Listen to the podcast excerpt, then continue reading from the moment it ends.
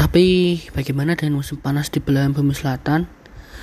Ketika matahari bersinar 24 jam di kutub selatan. Seandainya Antarik, Antartika memang sebuah cincin sekeliling bumi, maka tidak mungkin ada satu segmen yang terus-menerus menerima cahaya, kecuali kalau seluruh bumi itu juga terkena cahaya. Yang ketujuh, langit adalah kubah kaca. Untuk yang satu ini tidak semua pecinta bumi datar mempercayainya. Menurut yang percaya, langit dan semua yang ada dalamnya adalah palsu. Kita sekedar melihat kubah yang menyembunyikan angkasa yang sesungguhnya.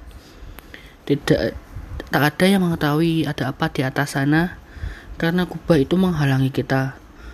Dan mungkin ada aliennya juga.